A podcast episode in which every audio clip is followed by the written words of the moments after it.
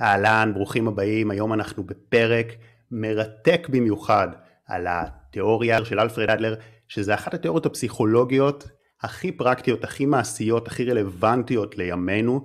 אה, זה, זה לא רק לדבר פילוסופית, אתם תראו שאתם, כבר שתסיימו לצפות בפרק הזה, אתם תקבלו כל כך הרבה כלים ורעיונות לחיים, והזמנתי לפרק הזה את האישה שיודעת לדבר על זה בצורה הכי הכי טובה בעיניי, וזאת דוקטור אנבלה שקד. קצת שתכירו על אנבלה, היא מנחת הורים בכירה במכון אדלר, היא מייסדת בית הספר לפסיכותרפיה במכון אדלר, הכשירה דורות על דורות של פסיכותרפיסטים, והיא גם מדריכה בכירה במכון אדלר, מרצה בינלאומית, יש לה תכנים מדהימים, וגם מחבר את הספר לקפוץ למים, ש...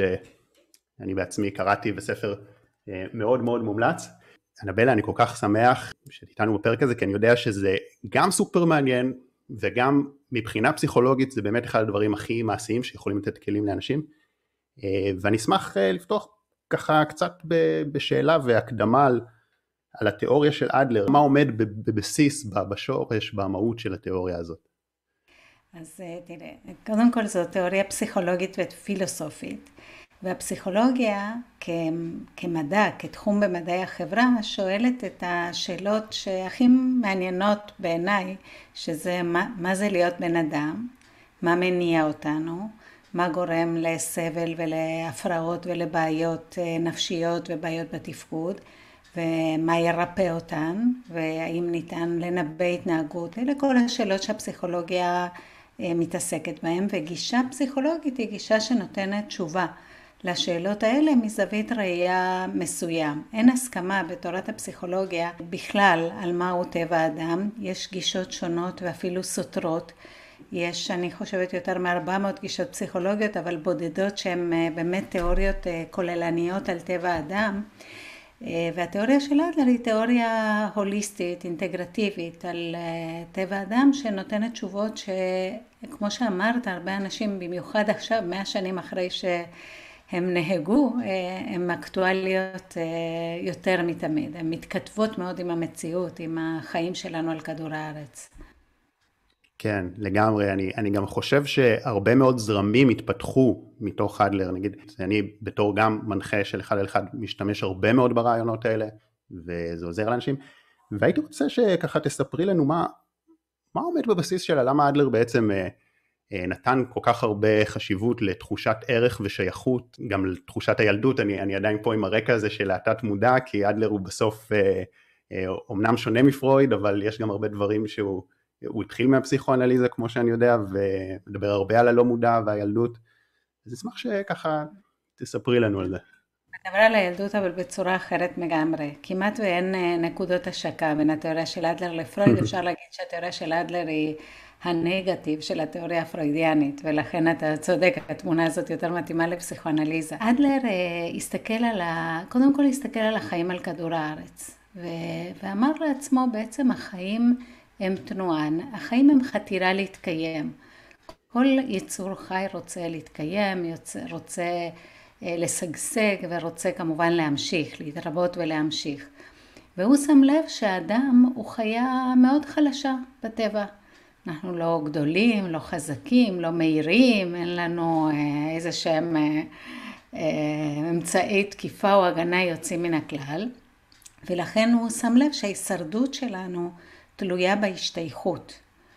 זאת אומרת, אנחנו יכולים לשרוד, לשגשג ולהתרבות רק בזכות ההשתייכות לקבוצה, ולכן אדלר הבין שאדם פועל, יפעל תמיד לפי עדיפות שהיא עדיפות האבולוציונית שלו, זאת העדיפות החברתית. ולכן הנושא של שייכות הוא המרכז של התיאוריה שלו. הוא טען שאנחנו מתוכנתים בעצם להת, להתקשרות, לאהבה, לשייכות, ושהשייכות הזאת, שהיום בטח בעידן שאנחנו חיים, בטח בעולם המערבי, שהמילים שייכות ותחושת ערך הם בעצם מילים נרדפות, זה המקום שלנו בקבוצה, וזה הדבר הכי חשוב, מפני שבלעדיו אנחנו לא יכולים להתקיים לא כפרטים ולא כקבוצה.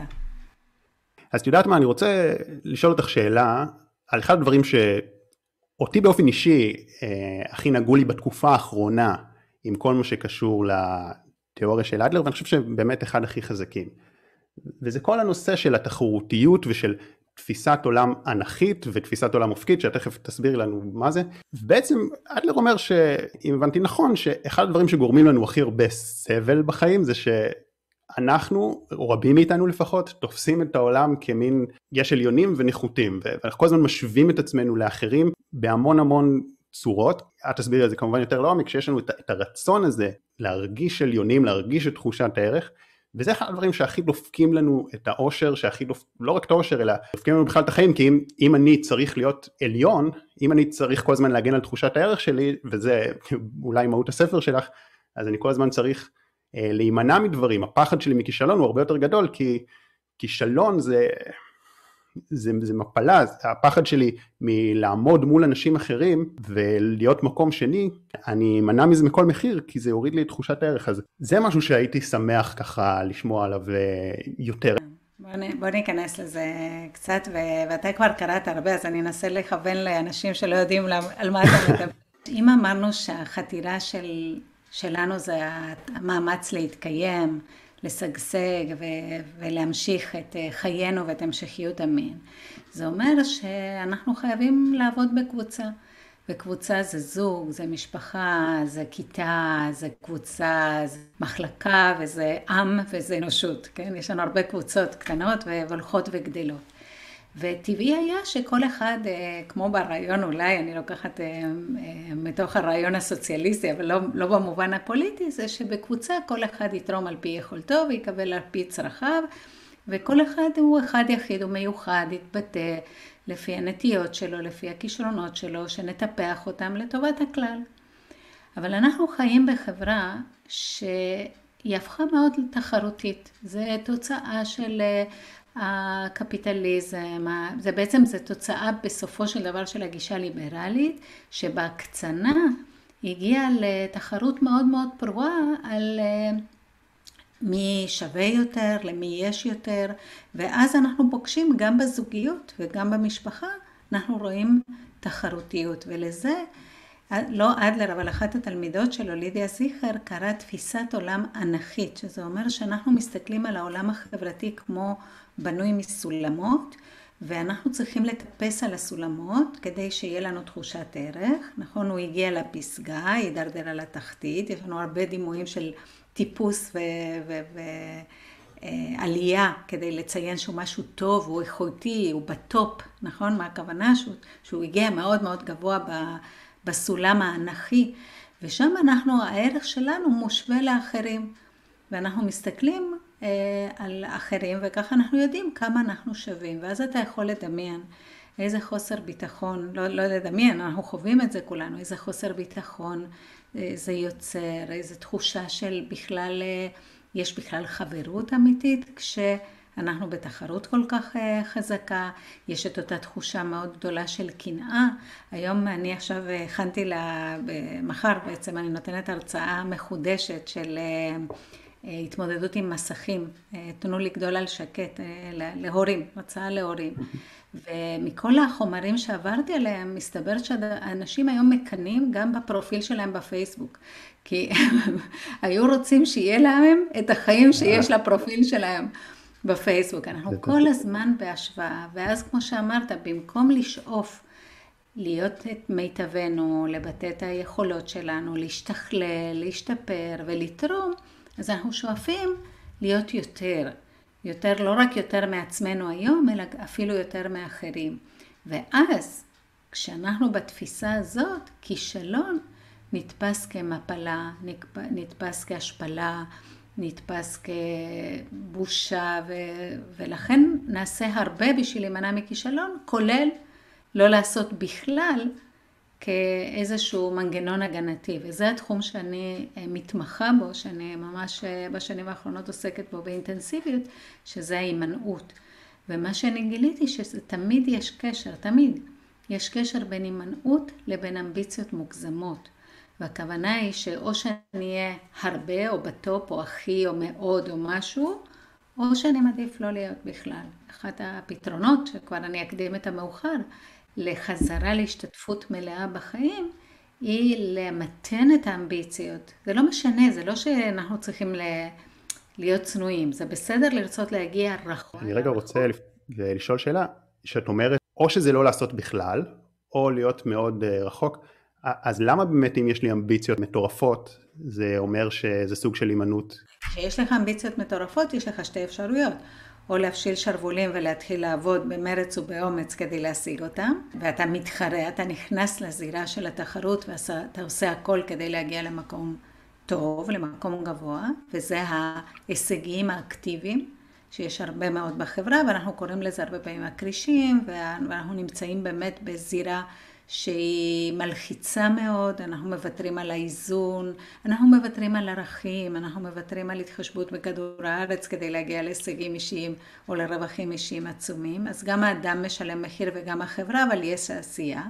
ואופציה אחרת, זו קבוצה אחרת של אנשים, זה כאלה שאומרים, אוקיי, היות ואני לא אגיע כל כך גבוה, אני מראש לא מתחיל. אני לא אעשה שום דבר שבסוף יצא פחות מ...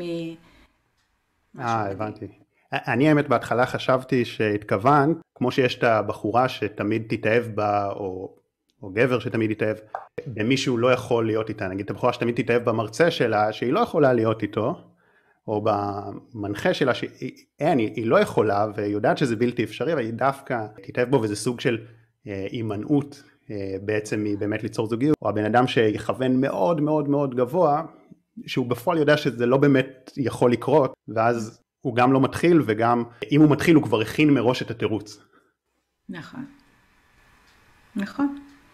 ואני שוב לא אומרת שאנשים צריכים לחשוב שהם יעשו רק דברים קטנים, אני רק אומרת שגם דברים גדולים הם עשויים מהמון צעדים קטנים. אז שאלה הרבה יותר טובה מלאן אני רוצה להגיע, היא שאלה מי אני רוצה להיות, מה אני רוצה לעשות, והשאלה הכי הכי חשובה זה מה אני רוצה לתרום. מה אני רוצה להביא לעולם. כי ברגע שאני עסוקה בתרומה, אני פחות חשובה, האגו שלי הוא פחות חשוב, ההתעסקות בעצמי, בהצלחה וכישלון היא פחות חשובה. יש לי משהו חשוב לתת כאן. וזה עוזר לי גם להתגבר על רגשי הנחיתות ועל הפחד, וגם לעסוק במה שרלוונטי ובמה שנחוץ. כן, האמת שזה חזק. אם אני לוקח את זה נגיד לעצמי בכאן ועכשיו, אז כזה הפרק הזה שאנחנו מקליטים הוא ממש אה, השני שאני מקליט שהחלטתי לעשות uh, ראיון. את היוטיוב יש הרבה זמן אבל הסתכלתי וראיתי את הפודקאסט של עמרי כספי. עכשיו אני אומר כספי הוא הישראלי הראשון ב-NBA הוא מפורסם הוא עשיר הוא בככה אה, מזמין כל בן אדם וזה, וככה וחשבתי ו, וממש התעוררה בי איזושהי קינה מה כי הוא מתחיל בנקודת פתיחה כל כך הרבה ש- שאני בכלל מרגיש קינה, שמתעוררת בקינה, אני, אני שמח, זה, זה הרגע שאני הכי שמח שאני מתעורר, כי אני אומר, הוא אמנם באותו רגע מאוד פוגע באושר, כי זו תחושה כזאת של נחיתות לעומת uh, מישהו, אבל מאירופה, זה, זה הזדמנות לצמוח, זו הזדמנות uh, להתקדם. אתה משתמש uh, בזה כקנאת סופרים, אתה, כהשראה. כאילו אתה הופך את הקנאה להשראה ואתה אומר זה מה שאני רוצה לעשות, זה מה שאני רוצה לתת, ואז אתה מתגבר על הנחיתות והופך אותה לתרומה, ואתה אומר נכון, הוא, הוא, אבל אני אני, וגם לי יש משהו להגיד או להביא, ואני, ואני אעשה את זה בדרכי שלי. כן, לגמרי, וזה אחת הסיבות שהתחלתי, אמרתי, רגע, אז נכון, הוא, אבל גם אני באיזושהי עמדה מאוד אה, נוחה, שכבר יש אה, כמה וכמה אלפי עוקבים וזה, ואנשים יראו את זה ויצפו בזה, ובתחומים אה, מסוימים אני חושב שאני יכול להביא ערך שהוא מאוד מיוחד כי הבנתי מי הקהל שעוקבים אחרי התכנים פה ושאפשר להביא להם איזשהו ערך מאוד מאוד ייחודי אני, אני יודע מה זה עושה בנפש של אנשים ובאמת הייתה בהתחלה איזו תחושה כזאת של התחושה הזאת ברגע שאנחנו בעולם האנכי הזה זו תחושה מאוד לא נעימה זה, זה אי אפשר להיות בכאן ועכשיו ליהנות ממה שיש אה, וככל שקראתי אז פשוט... גם שמצליחים וגם שלא מצליחים, אין שקט, אין שלווה. אין, זה כל הזמן, מעניין. יש מתח, יש חרדה, יש... אה, כן? כי גם תמיד יהיה את הבן אדם שהוא, שהוא בצד אחד מעלינו.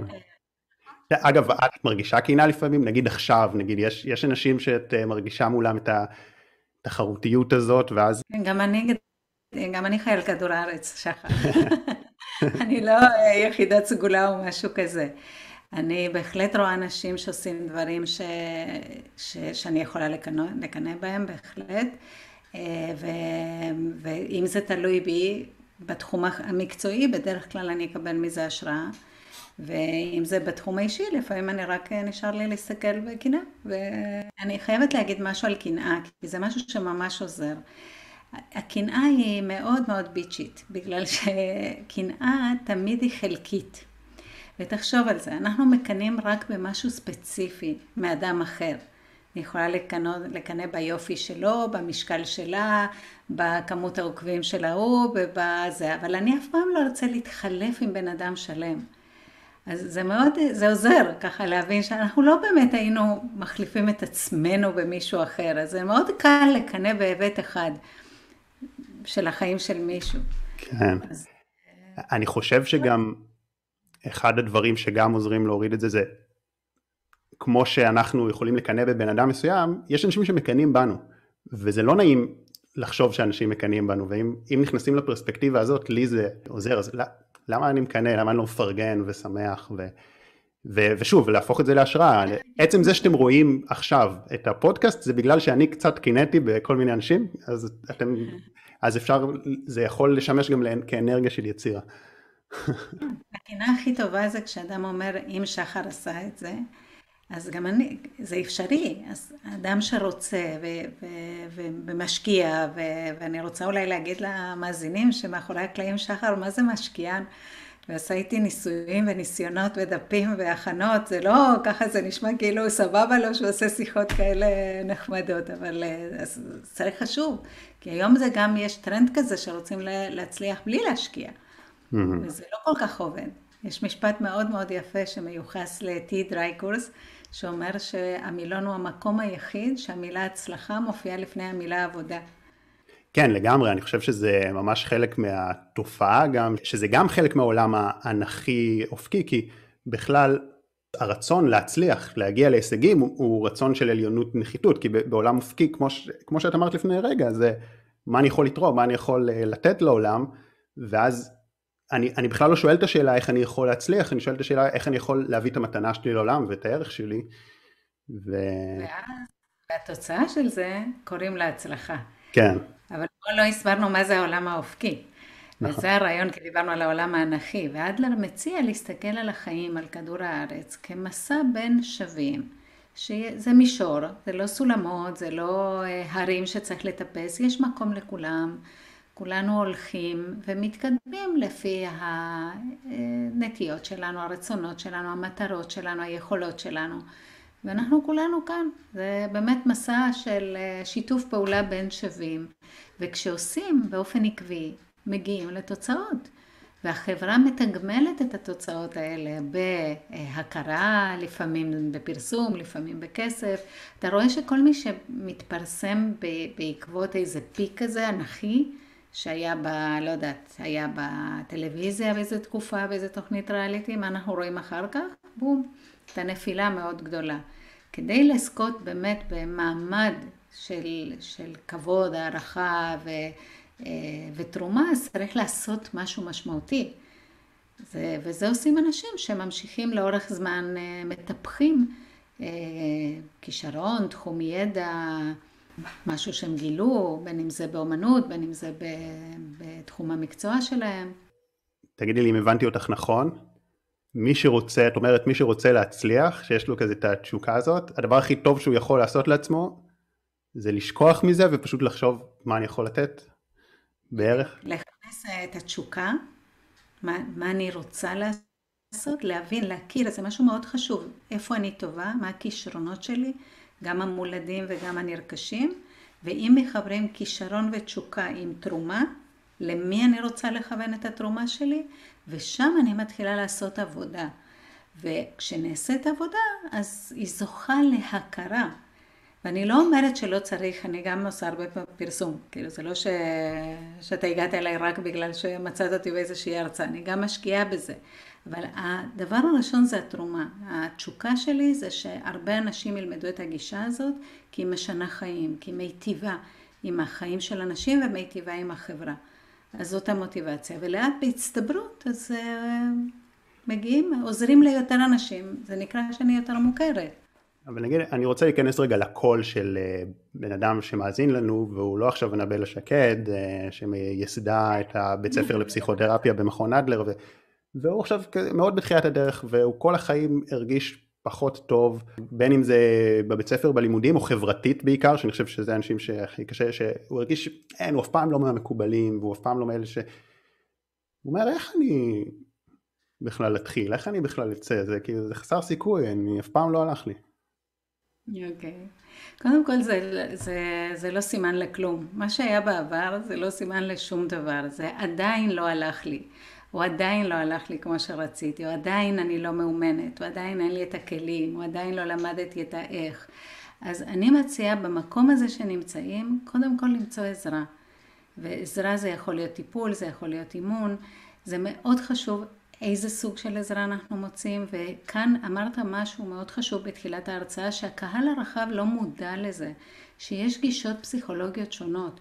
ואתה יכול ללכת לטיפול ובמשך שנים ידברו איתך על כמה היה לך קשה וכמה ההורים שלך לא היו שם בשבילך כשהיית צריך אותם כמו שהיית צריך אותם ואתה תרגיש נורא שאתה הכי מקסים ונהדר ורק לא הולך לך ו- ואיפה הטיפול? בעיניי אין, אין בזה טיפול. טיפול הוא, הוא תהליך שמוביל אדם להרגשה מיטבית והתפקוד המיטבי. ולכן צריך להבין לאיזה סוג של התערבות אני מגיעה. ואם אדם הוא פסיבי או נמנע, הוא חייב ללכת לטיפול בעיניי שהוא כולל שמההתחלה המטרה של הטיפול הזה זה לחזור לפעולה, לחזור למגרש. אני שם גם לב הרבה פעמים ש, שאנשים שיש להם הימנעות חזקה, זאת אומרת תקראו לזה הימנעות, אה, דחיינות, לא, לא לעשות, אה, אתם יודעים, יכול, אה, יכול לצאת בהרבה שמות, אז גם הרבה פעמים גם כשהם הולכים לטיפול, אז הם מצפים שהמטפל יושיע אותם ושיהיה איזה פתרון קסם, וזה דווקא האנשים שהכי יטו ללכת, בואו נדבר עוד קצת על ההורים, בואו נדבר עוד קצת על, אה, על העבר, וזה, כי, כי הם לא רוצים, אה, מה שנקרא, שניתן להם את המשימה, צאו לעבוד, תחפש עבודה. הם עוד לא, קודם כל, אתה צודק, הם לא מאומנים בלהשקיע מאמץ, הציפיות שלהם כל כך גבוהות שכל מה שרגיל וכמו עבודה רגילה זה לא בא בחשבון, אז הם באמת איזה סוג של תקיעות מאוד קשה. ואגב, אני חייבת להגיד, אני מבינה שהמאזינים שלנו עכשיו הם מאוד צעירים.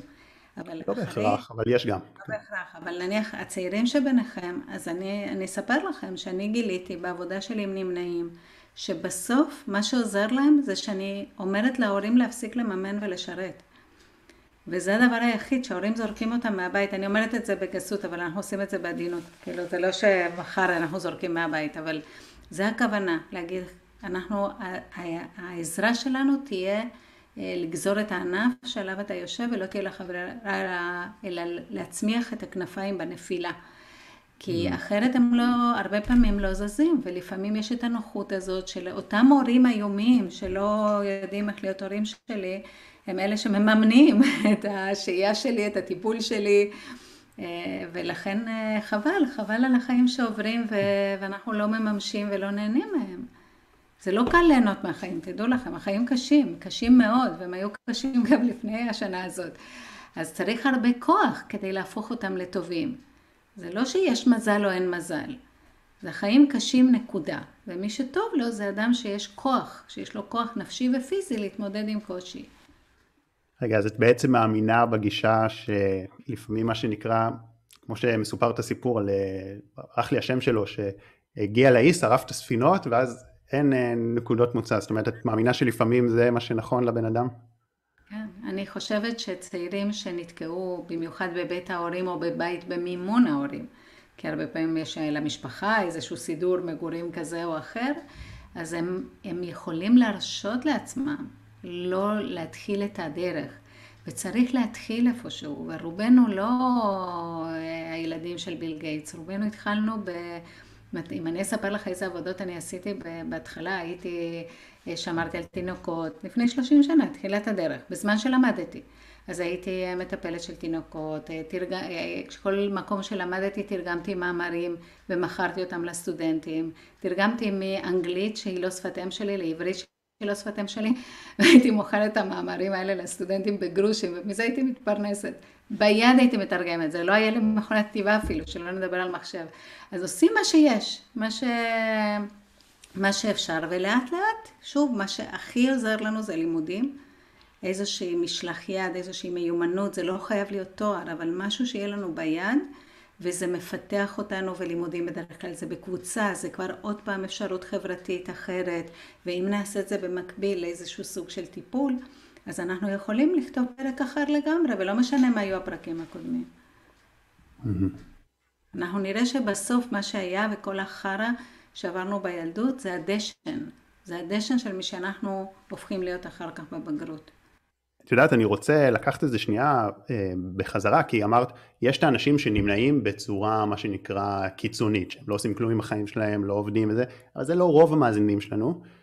רוב האנשים איפשהו באמצע כזה, נמנעים במקומות מסוימים, אולי חברתיים, אולי בעבודה, לא נמנעים במקומות אחרים, ויש גם הרבה אנשים מהסוג שאת גם הזכרת אותו, שזה האנשים שהם כן משיגנים, אבל בגלל תפיסת העולם של עליונות, נחיתות, אז הם, הם, הם סובלים בדרך והם עם המון קנאה, ואגב, מה שלא אמרתי קודם על קנאה, שזה מאוד חשוב, קנאה זה רגע שאנחנו בדרך כלל לא מודעים אליו, זה צריך להיות, אה, כי בדרך כלל אנחנו הופכים קנאה לביקורת, כזה, זאת אומרת, הדבר היותר, נגיד אם אמרתי כספי, אז כאילו הנטייה היותר אוטומטית שלנו זה לא להגיד אוי אני מקנא בו, אלא להגיד אה, הוא לא, הוא לא טוב כמוני, בסדר, הוא כאילו הוא משתמש רק בזה שהוא היה ב-NBA עם אבי ועם הכסף שלו וזה, הוא לא...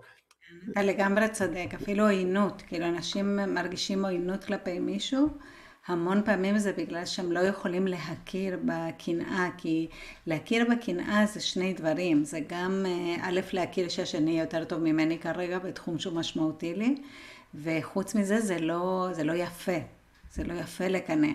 כאילו זה, זה רגש שהוא לא מקובל חברתית כל כך, יש גם דתות שזה חטא אפילו לקנא. אז, אבל זה בטח מגעיל, אנחנו אמורים לפרגן למי שמצליח, ולכן אנחנו הופכים את זה לעוינות, ואז אנחנו מנסים נורא למצוא פגמים, במיוחד פגמים ערכיים ומוסריים במושא הקנאה שלנו. חבל, חבל. זה... להגיד, העשירים מושחתים, ו... וכולם, זה... יש מושחתים, כן, אבל, אבל להגיד ו... כן. ואז אגב, מה אנחנו עושים? אנחנו יוצרים לעצמנו אמונות מגבילות על כסף, כי אני מקנא בכל מיני עשירים, ואז אני אומר, טוב, הוא השיג את זה בדרך לא טובה, וזה... אני יוצר לעצמי אמונות מגבילות. נכון, אה, נכון. אז התחלתי בשאלה, אז בסדר, יש את אלה שממש נמנעים, יושבים בבית, לא, לא פותחים את הפה, לא יוצאים לעבוד, ויש את הרבה ש, שהם באמצע, ויש גם להימנעות הרבה דרכים ערמומיות, כמו שלקנאה יש ערמומיות, יש גם להימנעות הרבה דרכים ערמומיות, כמו, כמו שדיברת על זה, על פרפקציוניזם ולהשיג יותר מדי, ואיך פרפקציוניזם הוא סוג של הימנעות, זה מעניין אותי. כן, כי פרפקציוניזם, קודם כל זה מרכיב של הימנעות, זה, זה הרכיב, המרכיב של האמביציות הגבוהות. הפרפקציוניזם, חוץ מהרצון לעשות דברים באופן מושלם, זה גורם לנו לא לעשות שום דבר שלא נצליח לעשות אותו באופן מושלם. ואז זה, זה הכל או לא כלום, שזה אחד ה, באמת אחת המחשבות הכי מטופשות שיש לנו בתקופה שאנחנו חיים, והיא שכלום זה יותר טוב מקצת. כאילו, אם חושבים על זה, ברור שזה שטויות, נכון? קצת זה יותר טוב מכלום, אבל כן.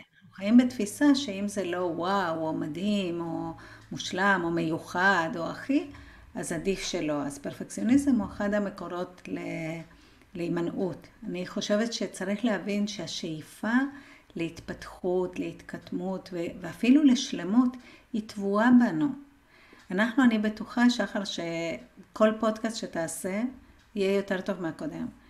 וכל פודקאסט שאני אתראיין בו אני אהיה יותר טובה מהקודם. בגלל ש, שזה טבעי שנרצה ללמוד מהטעויות שלנו ולשפר אותם. אבל שלמות זה לא מקום שאפשר להגיע אליו. שלמות זה כמו האופק. יש לנו כיוון, אבל בחיים לא נגיע אליו, כי השיפור הוא אינסופי. כי היכולת, הפוטנציאל הוא אינסופי. אז בואו נהנה מהדרך. כן, וואי, האמת שאמרת פודקאסט, אז זה ישר העלה לי נקודה. אני רציתי להתחיל אותו באמת לפני, אבל מה הקטע? אה, באה הקורונה ו... ואז אה, עברתי מתל אביב, חזרתי לצפון, אני במקור מהצפון, אה, אני עדיין נוסע הרבה לתל אביב, אבל די, לא רוצה יותר לגור במרכז, אני כאילו אוהב את המרחבים, ו... ונורא רציתי להתחיל פודקאסט, ואני יודע שרוב המרואיינים הם במרכז, אז ומה, אני כל עכשיו, כל הזמן ניסע? אמרתי אוקיי, אני אעשה בזום, ויש גם עוד טכנולוגיות מלבד הזום, שהן יותר איכותיות. וזה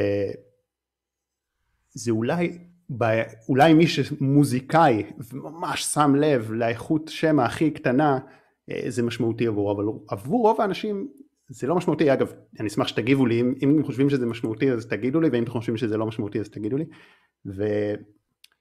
וזה פשוט uh, להתחיל, ואני גם חושב שיש מצב שזה גם היה באמת אולי איזשהו תירוץ מתוך פחד מסוים, או...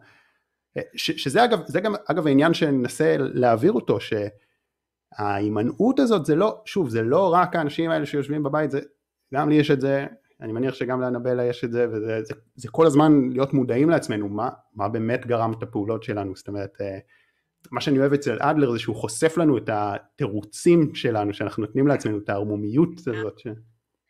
אצל אדלר תירוצים, בגלל זה זו תיאוריה פחות פופולרית. יש לו מאה אחוז אחריות. אני אספר לך סיפור על אדלר.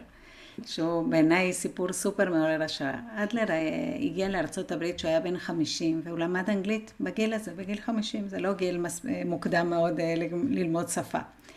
והוא היה גרוע בזה, כמו כמעט כל דבר שאנחנו עושים בהתחלה, והוא היה מכין את ההרצאות שלו בפקידה, ופקידה, גם, קפידה, גם מישהו היה עובר על ההרצאות שלו כדי לוודא שאין לו טעויות באנגלית.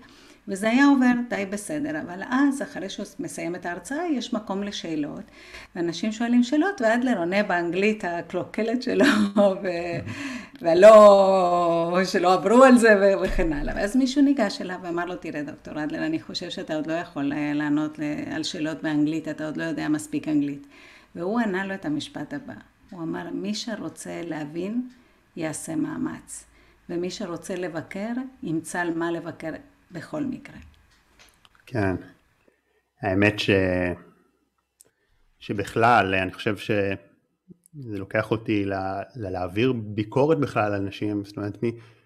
אני חושב שהרבה פעמים כשיש לנו ביקורת על אנשים זה מעיד הרבה יותר על האמונות המקבילות שלנו מאשר על שלהם. בכלל, אה, מי נתן לנו את הזכות לבקר, להוריד חלומות לאנשים. כי זה בדיוק, זה מלאכת ההשוואה, זה מלאכת האיום. אם הערך שלי תלוי בזה שאני יותר גבוהה, אז יש לי די מוטיבציה למצוא אה, מה לא בסדר אצל אחרים כדי להרגיש יותר טוב. אבל באמת אנשים ש, שמוצאים שהם עסוקים בלמצוא את החיובי ולעודד אנשים, להגיד להם את זה, לשקף להם את מה שעובד ומה שטוב, אז הם מוסיפים אה, טוב בעולם, גם אה, אומץ, וגם, תראה שהמילה עידוד באנגלית זה encouragement, זה, זה לתת אומץ, mm, זה לשים אומץ באדם, האומץ לנסות ולהיכשל. כן, זאת אומרת, האמת שזה מאוד יפה מה שאת אומרת, כי אני חושב שבכלל בכל התורות והמסורות הרוחניות, ומדברים איתנו בסוף על אה, לצאת מעצמנו מהאגו ולעשות את הטוב הזה, ואת אומרת, גם בתיאוריה של אדלר, הוא בעצם אומר, זה הריפוי לתחושת הנחיתות שלנו, כשאנחנו מעצימים אחרים. גם מעצימים אחרים וגם החיבור למשהו שיותר גדול מאיתנו. כי ברגע שאני עסוקה בתרומה, הערך שלי מתמלא מעשייה, אני משמעותית, אני נחוצה, ואני גם משתכללת. אז לאט לאט יש לי ערך ממה שאני עושה, ולא הערך שלי כל הזמן בסכנה. אני זוכרת שגמרתי ללמוד הנחיית קבוצות הורים, אחת המורות שלי, נועה לזרוביץ', שהייתה מורה ועדיין מורה במכון אדלר, מורה יקרה, והיא אמרה לנו, לפרקטיקנטיות הצעירות, שהיינו מנחות הורים צעירות, היא אמרה לנו את הדבר הבא, היא אמרה לנו, כשאתן נכנסות לקבוצה, כשאתן מנקות ככה את הרגליים בשטיחון בכניסה, תשאירו שם את האגו, ותיכנסו. אם השארתם אותו, כשתצאו, הוא יהיה יותר גדול. אם נכנסתם איתו, כשתצאו, הוא יהיה יותר קטן. זאת אומרת, אם אני שוכחת את עצמי, ואני לגמרי, גם ברגע וגם בתרומה, הערך שלי יעלה. אם אני עסוקה בערך שלי, תמיד אני אראה פגמים. לפני כמה דקות דיברנו, והייתה מילה שחזרתי עליה כמה פעמים, נכון? בקפידה, שאדלר תכנן בפקידה, ואמרתי את זה שלוש פעמים, גם עכשיו אני מתבלבלת, כן? כי אני עולה חדשה, אני רק 41 שנים בארץ. אז, אז זה טעות, נכון? אז, אז תמיד יש איפה, כאילו אם אני הייתי עסוקה עכשיו בערך שלי ולא לתרומה שאני מביאה בשיחה הזאת, אז הייתי אומרת, איך אמרתי את זה ככה? אני אבקש משחר שיערוך את זה. לא, מסכן, מה הוא צריך לערוך את השטות הזאת? אז, אז אני עסוקה בעצמי. אז שמתי לב אוקיי, הייתה שלוש ניסיונות עד שאמרתי את זה, זה יעבור. מי שרוצה, כמו שאדלר אמר, מי שרוצה יבין, מי שרוצה לבקר, הנה, נתתי לכם על מה אפשר, ובטח תמצאו דברים נוספים. וואו, זה, זה כל כך חזק, ואני גם רוצה לשים את ה... להיות גלוי, כן? אנחנו מדברים על זה פה, וזה מאוד אה, ברומו של עולם. אני רוצה לחשוף את עצמי, אני מרגיש את זה, המון פעמים אני מרגיש שפתאום נכנסת בי התחרותיות, ופתאום התחושה הזאת של אני לא מספיק, ואז לא, לא בא לי לעשות כלום, בא לי רק לעבוד יותר קשה ו, ולעקוף את כולם, ו, ואז אני, אני באותו רגע, אני לא חי בהווה, אני סובל, אני עשיתי כל כך הרבה, תרמתי לכל כך הרבה אנשים, אני מקבל כל יום עשרות הודעות, אבל ברגע הזה שאני נכנס לתחרותיות ומשווה, באותו רגע אני סובל, ו... ואז אני, בגלל זה אני משתדל כל יום לשמוע או לקרוא איזשהו משהו, אה, שנזכר בדברים כאלה, אז באמת ברגע הזה שאני שוב חושב על מה אני רוצה לעשות, אז בסדר, אז הוא עוקף אותי והוא עוקף אותי וזה הכל טוב. לא עוקף, הוא לא עוקף, יש מקום לכולם. כן. הוא הולך ואתה הולך, נכון, והדרך נכון. שלו הוא לא הדרך שלך. יש מקום. אה, זה חשוב להגיד, אה, שחר, ואתה מעלה את זה, שהסולם הזה של העולם האנכי הוא לא, הוא אינסופי. הוא, זה לא שמגיעים ואז רגועים. אי אפשר להיות רגוע. לגמרי. אי אפשר. לא, שנחיה בצורה שאנחנו נהיה שמחים בנו, ויש לי חברה שעושה מגנטים מגניבים, מהממים בקרמיקה, ויש אחד שקוראים שמחי על עצמך, בשין. שמחי על עצמך של יאללה, אני good enough, אני יכולה להיות שמחה, אני, אני חיה, אני נוכחת, אני משתדלת, אני אוהבת. אני נדיבה. אם יום חייתי ככה, דיינו.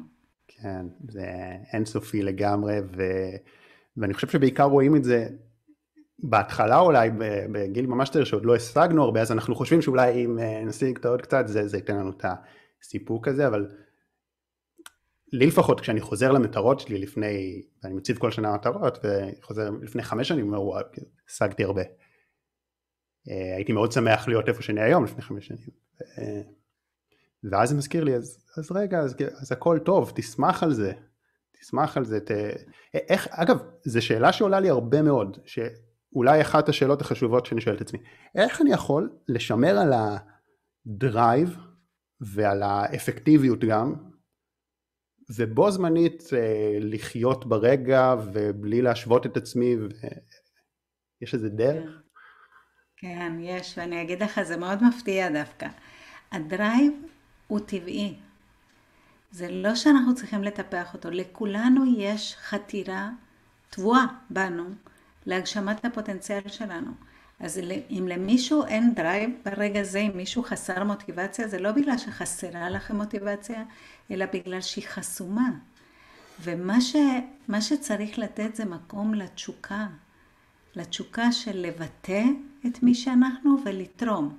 חיבור בין תשוקה ותרומה יגרום לעשייה. וכשהמטרה היא תרומה ולא המטרה היא אה, כוח, כסף וכבוד, אלא חוויה, אהבה ותרומה, אז תמיד יהיה אנרגיה ותמיד נעשה, וזה כיף לעשות, ואנחנו נתלהב ממה שאנחנו עושים, ונמשיך לפעול בצורה עקבית להשגת המטרות שלנו, ויהיו עוד מטרות. כן, וואי, את יודעת, תובנה שהגיעה לי ממש לאחרונה, אני עברתי תקופה מאתגרת בנובמבר, הייתי חולה וככה ממש כאילו, קיבלתי מזה הרבה תובנות, אני חושב שאחת המרכזיות, שזה בא באמת אה, להרגיע אותי רגע, כי התחלת משהו בתור איזו שליחות אדירה והאגו עלה ועלה ועלה ועלה, אז זה לתת איזה מכה, ואז סיפרתי את זה לחבר טוב שלי, גל, שאני גם עובד איתו, ואמרתי לו, אתה יודע, אני הבנתי כמה שאני תחרותי הרבה יותר ממה שחשבתי. ואז הוא אמר לי, מה פתאום? אתה לא תחרותי בכלל, אני תחרותי. ואז, וחשבתי על זה, אם מישהו יסתכל מבחוץ... מתחרים על מי תחרותי. לא, אבל חשבתי על זה שאם מישהו מסתכל מבחוץ, הוא יגיד, כן, גל פי אלף יותר תחרותי משחר, מי שמסתכל מהצד. אבל אז אמרתי לו, אתה יודע מה הבנתי עכשיו ברגע שאמרתי לי את זה? אתה באמת, אם אני אגיד לך, תשמע, בוא נתחרה מי, לא, נגיד על משהו שחשוב לנו, נגיד כמו פודקאסט או זה, מי עושה ערוץ יוטיוב יותר גדול, כן, זה משהו כאילו שנוגע אה, לערך. הוא בשמחה יתחרה איתי. למה הוא מוכן להתחרות איתי ככה בקלות? כי הוא, זה לא יקבע לו את הערך, הוא לא מפחד uh, להפסיד. ואמרתי, אם אני משווה אותו לאנשים אחרים שאני מכיר, אנשים שהם כביכול לא תחרותיים בכלל, אבל בראש שלהם הם סופר תחרותיים, ו- ואם להם אני אציע בואו איזה תחרות, הם יגידו לא, לא, לא, לא. זאת אומרת, אני חושב שד... שיש הבדל בין תחר... תחרותיות שהיא חיצ... כלפי חוץ לבין בפנים.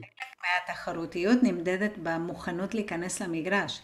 זאת אומרת, הכי תחרותיים לא ייכנסו אפילו למגרש. בדיוק, בדיוק. זה בדיוק מה ש... זה בדיוק הנקודה שרציתי להעביר. בגלל זה אחים בדרך כלל הם לא באותו מקצוע.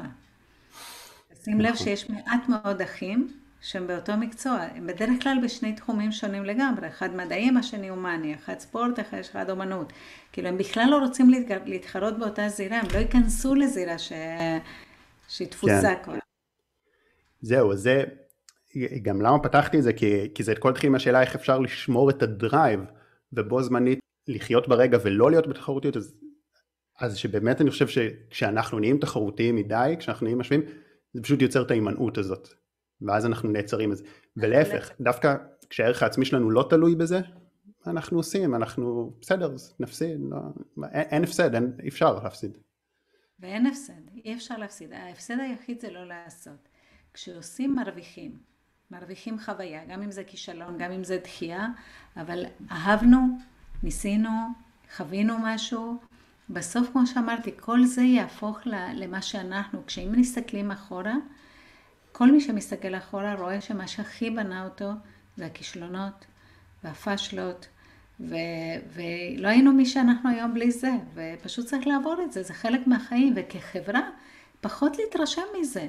אנחנו יצורים לא מושלמים, למה שלא נעשה טעויות? כל יום, כל היום.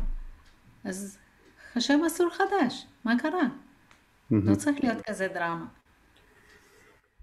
כן, לגמרי. ויש לי עוד שאלה על הימנעות, כי זה ככה באמת, אני מזכיר לך, זה ספר, לא רואים את זה, מעולה, אני קראתי אותו עכשיו, זה באמת עוסק בהימנעות. סתם עוד שאלה שעולה לי עכשיו כזה תוך כדי. שבעצם הרבה פעמים זה בכל זאת דברים לא מודעים כאלה, נגיד אה, קל לחשוב על זה בהקשר של זוגיות, שמישהו אומר אני, אני מאוד מאוד רוצה זוגיות, והוא באמת רוצה זוגיות ומרגיש שהוא רוצה זוגיות, אבל בפועל כשהוא נכנס לקשר אז uh, פתאום נהיה איזה מין הרס עצמי כזה במרכאות, והוא בורח כי יש איזה פחדים עמוקים יותר, אה, אולי שזה יפגע בחופ, בחופש או שישבר הלב, ואני חושב שגם על זה אדלר מדבר ש... הנה, קודם כל, בנושא של זוגיות, אני חושבת שאנחנו כחברה, במיוחד החבר'ה הצעירים, הם די בצרות, מפני שמי שהיום עד גיל 30 נגיד, שאנחנו קוראים לכם דור ה-Y, זה דור שחונך, כאילו אנחנו ההורים שלכם, חשבנו המון המון על הרצונות, על הרגשות ועל הצרכים שלכם. אז יש איזה,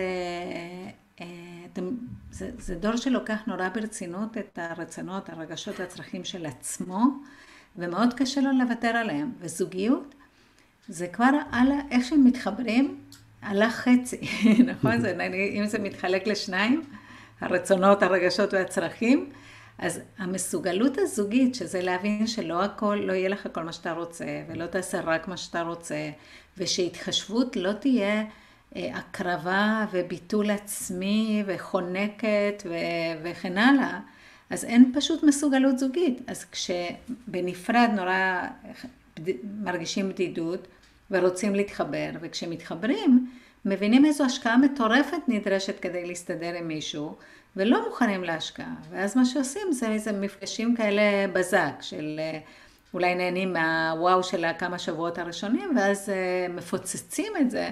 שאתה אומר זה לא הולך, כי לא, זה לא הרס עצמי, זה פשוט להגיד, אז לא מתאים לי להיות בזוגיות, אז אני אתרחק, אז אני אעשה משהו שירחיק אותי. וכאן צריך להבין שזוגיות זה, זה התחייבות, זה, זה זוגיות שזה כמו גינה. זה לא מספיק לחרוש ואז אה, לשתול את העצים ואת הפרחים הכי יפים. צריך כל יום להשקות, אה, פעם בשבוע להסב, פעם בשבועיים ל... ל... לעבור על הדשא, זה עבודה תמידית, ובלי העבודה הזאת, אתה ראית פעם גינה לא מטופחת? זוועות, יש נחשים השיחים. אז אה, זה מה שקורה לזוגיות, היא מתייבשת, היא נעשית מכוערת, היא נעשית לא יפה, היא נעשית לא כיפית, זאת השקעה, זו עבודה מאוד מאוד קשה, הקשה ביותר בחיים אגב, אם תשאל אותי. זה, זה, זה בעיקר עבודה.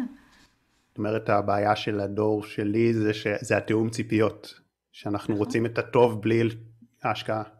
בדיוק, זה פנטזיה של אהבה שלא הרווחנו.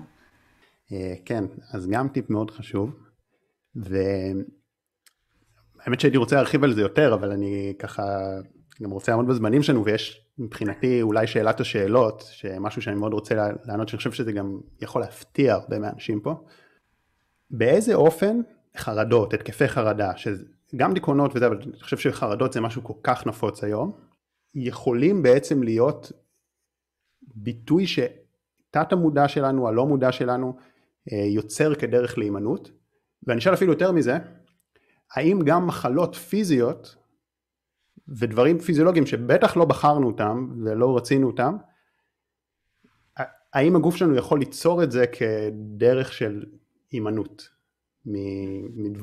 בגלל שאנחנו מפחדים אה, שהערך שלנו ייפגע וכישלון וכן הלאה. אני אישית, אדלר, התיאוריה שלו היא תיאוריה הוליסטית, והוא בוודאי רואה קשר בין הגוף לנפש, והיום אנחנו יודעים שהמפגש של הגוף והנפש הוא בעצם במערכת החיסונית, שהיא הכי משפיעה, אה, שמשקפת את מצב הנפש ומשפיעה בצורה מטורפת על הגוף. אני הייתי אומרת שאני לא חושבת שאנשים יוצרים לעצמם מחלות. זאת, זאת עמדתי, וממה שאני רואה, מחלות קורות לאנשים, אה, אני, אני, אני לא אוהבת שאנשים כאילו מאשימים אותם, שהביאו את זה על עצמם. אה. אני לא חושבת שאנשים יוצרים לעצמם מחלות, אבל אני חושבת שאנשים מסוימים, המחלה לפעמים יכולה להפוך להיות הכרטיס יציאה, או התירוץ, או, ה, אה, או הליבי לאי השתתפות. להגיד, אוקיי, לי יש, זה, זה, זה, זה הופך להיות תעודת הזהות. אני מכירה אנשים שחולים במחלות שגורמות להרבה מאוד כאב וקושי, וזה כמובן סובייקטיבי, ואני לא יכולה לשפוט מה זה דרגת כאב למישהו או למישהו אחר, אבל יש אנשים שעם הקושי ועם הכאב חיים חיים אה, של תרומה ושל משמעות ושל השתתפות, ויש כאלה שעושים אפצ'י ומוצאים כרטיס לעצמם, כרטיס אדום, ואומרים אני מחוץ למשחק, וצריך להבין אותי כי אני חולה.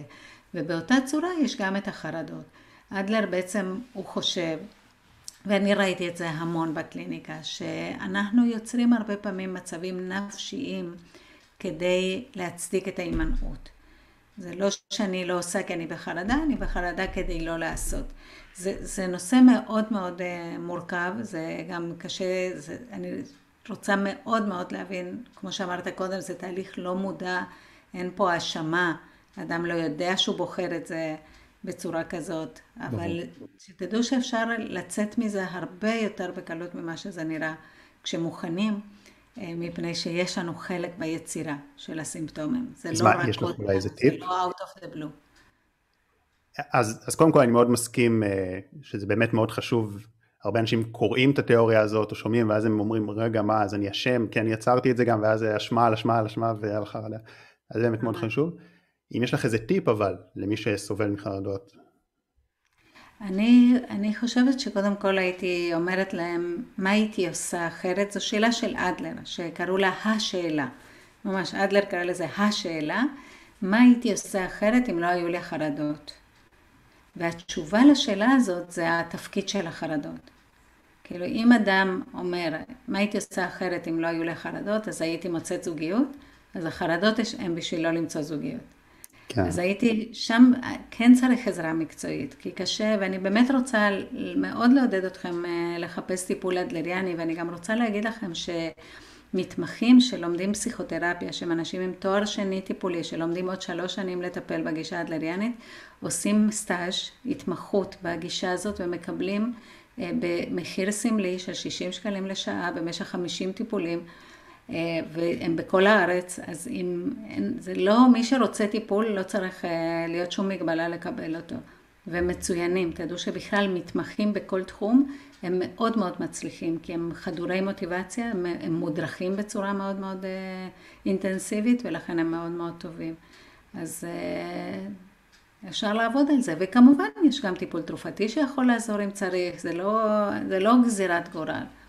חוץ מבמקרים מאוד מאוד נדירים של באמת מחלת נפש שאי אפשר לעזור, אבל זה, זה מקרים מעטים מאוד. כן, השאלה הזאת, מה, אני רוצה לחזור שוב, כי אני חושב שזה משהו ששווה להדגיש, השאלה הזאת, מה שאמרת, השאלה, אם לא היה לי את החרדות האלה, מה הייתי עושה אחרת? ואז באמת, אוקיי, לפעמים אולי התשובה תהיה, אה, פשוט החיים שלי היו יותר קלים, ואז... אם, אם זאת התשובה, אם היא אומרת הייתי עושה את אותו דבר רק בלי החרדות, תיקח כדור. זה, זה אומר שזה לגמרי פיזיולוגי, וזה לא קשור, אתה לא משתמש בחרדות כאליבי וכתירוץ כן. לאי עשייה. אני רוצה להגיד, לפני כדור, אני אתמול פרסמתי אפילו בסטורי.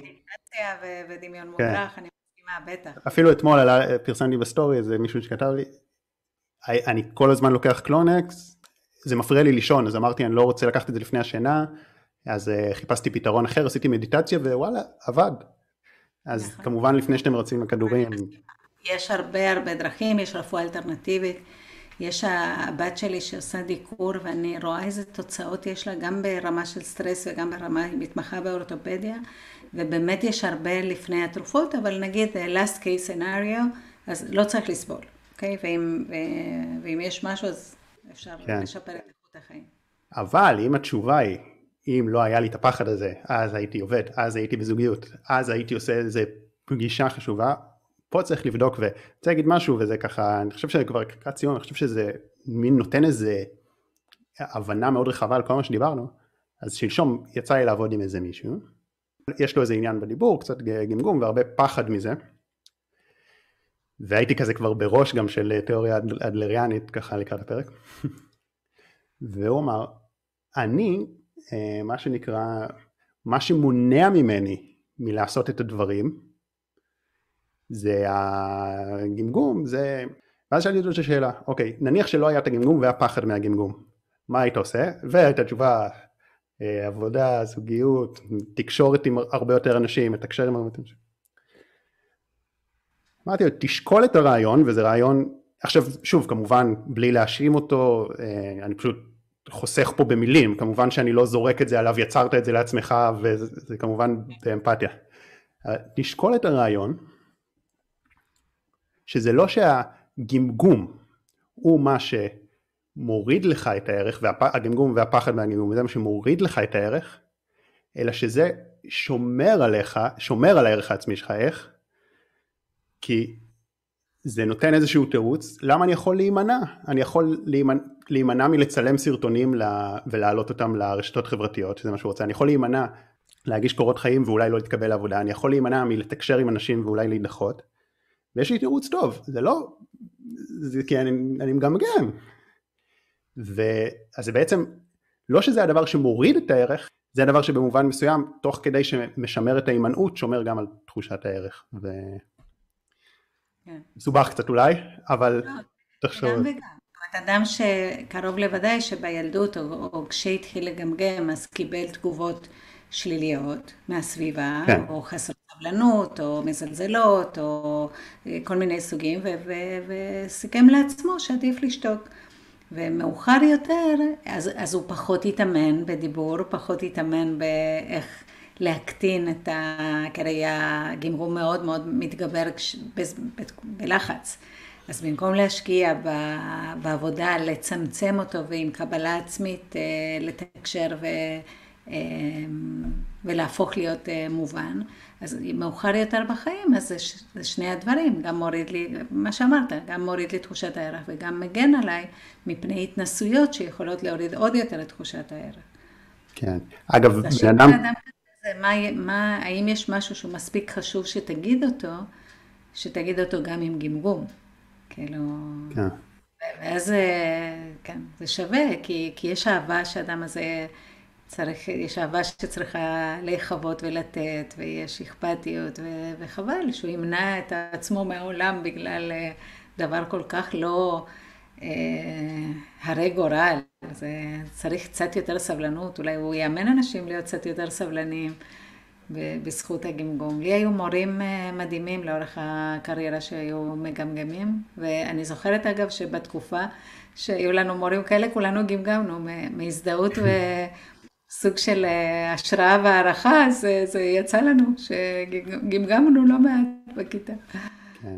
אגב, בן אדם כזה, עם גמגום ובכלל עם חרדה חברתית או, או תחושה עמוקה של חוסר ערך, תחושה של בן אדם שהוא לא שלם עם עצמו, של אה, פחד אה, לצאת לעבודה, לצאת, היית, האם היית יותר עובדת איתו, מה שנקרא התנהגותי, על פעולות קטנות והדרגתי, או יותר היית עובדת איתו בכל זאת גם לחזור לעבר ולהבין מאיפה זה בא, איפה היית יותר מתמקדת? יש, אה, השינוי הטיפול הוא גם אה, קוגניטיבי וגם התנהגותי. זאת אומרת, קודם כל צריך להבין מאיפה הוא לקח את הרעיונות האלה, על זה שהוא פחות שווה, או שהוא לא טוב מספיק, אוקיי? ו- ואנחנו צריכים להפק את החתירה. אנחנו צריכים לקחת את הסולם האנכי ולהפוך אותו לדרך כזאת רחבה אופקית. וצריך לעבוד על קבלה עצמית, אבל צריך גם להתאמן יותר בתרומה. כי זה אדם, באופן פרדוקסלי, אדם שעסוק בערך שלו, הוא עסוק רק בעצמו. אני שווה, אני מספיק, ובזמן שאני עסוק בעצמי, אני מג"ב למה שאפשר, ולהאיר פנים להורים, לאחים, למי שחי איתי, להכין כוס קפה ולתת מעצמי, להקשיב מעצמי, שזה מה שמתחיל לבנות בסופו של דבר תחושת הערך נבנית מעשייה, אין מה לעשות. זה גם ששמרת קודם על הפער הזה, אני התחלתי את ה... קודם כל התיאוריה של אדלר היא תיאוריה שמסיבות אה, פוליטיות אה, הרבה שנים לא נכנסה לאוניברסיטאות, גם היום אגב. היא פחות באוניברסיטה, והיא יותר חביבת הקהל, כאילו אנשים בחוץ כששומעים אותה אומרים וואו זה פסיכולוגיה עם common sense, איך לא ידענו אה, אה, שזה קיים קודם. אה, ואני הייתי מאוד בשוליים של הפסיכולוגיה. כשאני התחלתי לדבר על, על, על לעשות לפני 30 שנה, אמרו לי שאני שטחית. כי מה זה עשייה לעומת העולם, כמו שאתה רואה מאחוריך את האייסברג של הנפש. ופעם פסיכיאטר אמר לי, את, את חייבת לטפל באובססיה שלך עם המציאות. ועברו 30 שנה, ו- והיום אני יכולה להגיד בביטחון שזה לא שאנשים לא מתפקדים כי הם מרגישים רע. ופה זה מהפכה בפסיכולוגיה. אנשים מרגישים רע כי הם לא מתפקדים. אי אפשר להרגיש טוב בלי עשייה. בלי עשייה אין תחושת ערך. בלי עשייה אין אהבה. כי עשייה זה לא, ואני לא מדברת עכשיו על ללכת לעבוד למכרות, כן? תרגיעו. זה לחייך, להגיד בוקר טוב, להגיד את רוצה גם קפה, זה לנקות את הכוס קפה אחריי, אם אני מדברת על הנמנעים הכבדים, זה להתחיל משם. וכן, בטח שהולכים לילדות כדי להבין מאיפה לקחנו את הרעיונות ומנסים לבנות מחדש את תחושת הערך. האדם הוא יצור שהוא כמו עוף החול. זה, אנחנו יכולים להיבנות מעפר ו- וליצור חיה מרהיבה ו- ו- וחשובה ומועילה בעולם. אין, אין, כן. זה, זה רעיון ושיטה ותיאוריה כל כך יפה, וממש אהבתי גם שמה שנקרא שאלתי אותך, יותר היית הולכת איתו לעבר ולילדות וללא מודע, יותר לעשייה, ואמרת לי, גם וגם, אבל וזה אני חושב משהו שהתיאוריה של אדלר היא יחסית ייחודית בו, יחסית לפסיכולוגיה, לא יחסית לתורות רוחניות אה, רבות שנים, וזה אמרת, הייתי לוקחת אותו בכלל לצאת מעצמו, לחשוב מה אתה יכול לעשות, שזה נכון. שזה משהו שאני לא יודע עד כמה מאמנים ומטפלים בשיטות אחרות עושים וזה, וזה הרבה פעמים לפעמים רק עוד לטפל, ממקד את הבן אדם עוד יותר בעצמו ועוד יותר בעצמו ועוד יותר בעצמו. נכון. ועל זה סופי פרויד, שהיא אה, איש, נכדתו של זיגמונד פרויד וסוציולוגית, היא אמרה זה שטות ממדרגה ראשונה לגרום לאנשים לדבר כל הזמן על עצמם. זה מה שהיה לה להגיד על הפסיכואנליזה. מעניין מאוד. ו- ובכלל גם במה שאמרת שהיית אה, לפני 30 שנה ממש אה, בשוליים של זה ו- והנה דברים השתנו, אה, אני חושב שזה גם משהו בכללי, ללמוד על החיים ש... נכון. שהעולם משתנה, דברים קורים. נכון, נכון. אם פעם בדיוק חשבתי על זה כי ראיתי את הסרט החדש של מריל סטריפ, שזה מיוזיקל כזה שקשור ללהט"ב ולהכלה ולסרט אה, חמוד כזה. וחשבתי על זה, וואו, איך העולם השתנה, כמה, למרות שהוא עוסק בחוסר קבלה של אה, עיירה מסוימת בארצות הברית לילדה שהיא לסבית, לנערה לסבית, אבל חשבתי שוואו, אנחנו מתקדמים, מתפתחים, יש יותר הבנה, יש יותר הכלה, יש יותר קבלה. ו- ואני מקווה שנמשיך לשם. זה ממש ממש ככה. ואני חושב, אני, אני כן חייב להגיד, אני מסכים איתך באמת על ממש רוב הדברים. אני, אני רוצה להגיד לצופים שאני מבחינת גוף נפש, למרות שאני מאוד חושב שחשוב לא להאשים את עצמנו, ו, או אם אתם מטפלים אז לא להאשים את הבן אדם, להגיד אתה יצרת את המחלה או משהו כזה. אני יכול להגיד שלפחות על עצמי, שנגיד אמרתי הייתי עכשיו חולה וזה, אני, אני שאלתי את עצמי את השאלה הזאת מלא פעמים. אם עכשיו לא היה לי את הדבר הזה, מה הייתי עושה? ואמרתי, זה לא הגיוני, זה, אני בן אדם של עשייה, אני לא בורח מעשייה, אני רק כל הזמן רוצה להספיק יותר ויותר ויותר, לא, הגיוני שאני יוצר מחלה כדי להימנע מעשייה, אם כבר אני יוצר אה, מחלה כדי לתת לי מנוחה או משהו כזה, אבל בסוף מצאתי איזשהו משהו שאמרתי, איך לא חשבתי על זה, זה משהו שמאוד, באופן מאוד עמוק פחדתי ממנו, ושהבנתי את זה, ופרקתי, אז הייתה הקלה מאוד משמעותית. שוב, שמעבר עשיתי גם עוד הרבה עבודות אחרות על הנפש, אבל uh, כשהבנתי זה, היה מאוד משמעותי, אז אני חושב שגם אם, אם יש לכם uh, מחלה פיזית ממש, שכביכול לא בחרתם אותה בשום צורה ושהיא לא מועילה לכם בשום צורה, עדיין שווה לשאול את השאלה הזאת. אני הייתי אומרת קצת את זה אחרת, הייתי אומרת, אם כבר יש לי מחלה, אז בואו נראה מה אני יכולה ללמוד מזה, בלי קשר אם יצרתי או לא יצרתי אותה. נכון. אני יכולה להפוך את זה למנוף או לשיעור, או שאני יכולה רק לסבול ממנה. נכון, נכון. מה שבטוח זה, זה כן מאוד חשוב לי להדגיש, אפילו שאמרתי, בלי אשמה. כאילו, זה דבר אחרון שצריך זה עוד אשמה על עצמנו, וכאילו, ובסוף גם אנחנו באמת מה שנקרא, אה, הוא פתחת עם זה, אנחנו, אין לנו באמת שליטה, אין לנו באמת שליטה, אנחנו יכולים לעשות את הכי טוב שלנו. Mm-hmm. טוב וואו אנבלה איזה כיף, איזה תובנות חזקות, אני חושב שיש פה כל כך הרבה למי שצפה בפרק הזה, אז אני גם אגיד, אם יש לך, א', אם יש לך עוד משהו להגיד, עוד משהו שהיית רוצה על הימנעות על התיאוריה, ו... ואם לא, אז גם איפה אפשר למצוא אותך ואיך אפשר לקבל עוד מהתכנים שלך, אז אה, הבמה שלך. תודה רבה שחר. אז האמת שבאמת התקופה הזאת, אני הייתי מאלה שבגילי חשבתי שלא אאלץ אף פעם לעבוד דיגיטלי, שזה לא בשבילי ושאני אוכל להיפטר מזה, אבל הזום באמת פתח לי אה, ערוץ אה, עצום לעולם והקלטתי המון המון הרצאות וקורסים. ובאתר שלי בעברית, שזה אנבלה co.il, אפשר למצוא המון המון הרצאות ותכנים. גם על אה, מציאת זוגיות יש הרצאה של שעתיים, שנקראת הוא סבבה והכל אבל, אה, המבין מבין, הצעירים, אה, של למה אין לי זוגיות ואיך למצוא זוגיות. ונושאים שנגענו בהם, אבל בממש כל נושא של התפתחות אישית, הורות וזוגיות, אני, אפשר למצוא אותי, וכמובן הספר לקפוץ למים, שהוא סיכום של דוקטורט, של עבודה קלינית של 20 שנה עם נמנעים, ושהוא עושה, עושה את עבודתו בעולם, לעזור לנמנעים ולהורים של נמנעים לחזור להשתתפות מלאה בחיים. כן, אז תודה רבה. אני אשים כישורים גם מתחת לסרטון, או אם אתם שומעים בספוטיפיי, אז מתחת לפרק אני אשים כישורים לאתר, לספר של אנבלה.